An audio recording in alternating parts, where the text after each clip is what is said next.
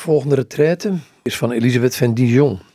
Schreef ze tegen het eind van haar leven, aan het begin van de vorige eeuw. De retraite komt uit het boek Geschriften van Elisabeth van Dijon, uitgegeven bij uitgeverij Carmelitana in Gent. Er staat boven stilte in de vermogens. Mijn ziel is altijd in mijn handen. Psalm 119, vers 109. Dit klonk in de ziel van mijn meester. Daar bleef hij, door alle angsten heen, de rustige, de sterken. Mijn ziel is altijd in mijn handen. Wat wil het anders beduiden dan, in aanwezigheid van de vredelievende, bezit ik mijzelf helemaal. Een ander lied van Christus zou ik onophoudelijk willen herhalen. Ik zal voor u mijn kracht bewaren, Psalm 59, vers 10. Mijn regel zegt, uw kracht ligt in het stilzwijgen.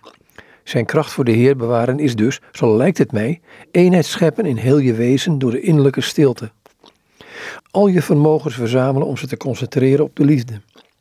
Dit eenvoudige oog hebben, waardoor het licht je kan doorlichten. Een ziel die reden twist met haar ik, die haar gevoeligheid koestert, die een nutteloze gedachte of een of ander verlangen naloopt, versnippert haar krachten. Ze is niet helemaal op God gericht. Haar instrument is niet afgestemd. Als de meester het tokkelt, kan hij er geen goddelijke harmonieën aan ontlokken. Er is nog te veel menselijks. Er is disharmonie.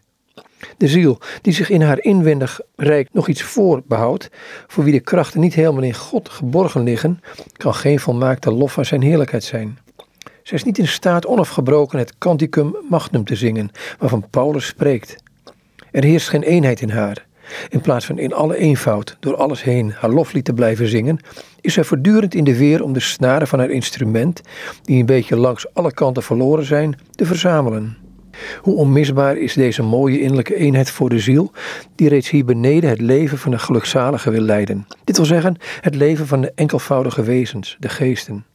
Ik heb de indruk dat de meester dit beoogde wanneer hij tot Magdalene sprak over het ene noodzakelijke.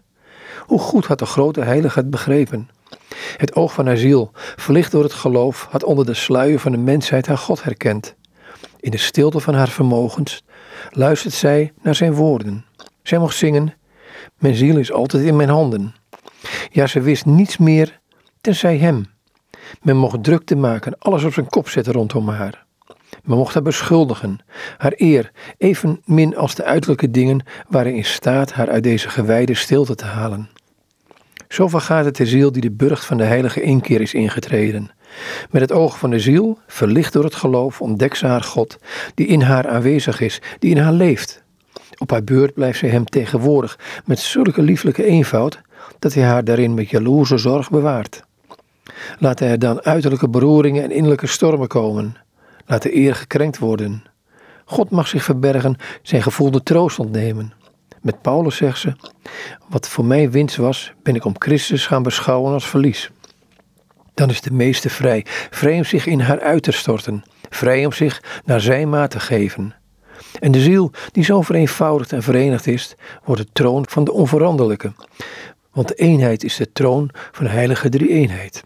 Aldus Elisabeth van Dijon in retraite gegeven of geschreven in het begin van de vorige eeuw. Komt uit het boekje Geschriften van Elisabeth van Dijon, uitgegeven bij uitgeverij Carmelitana in Gent.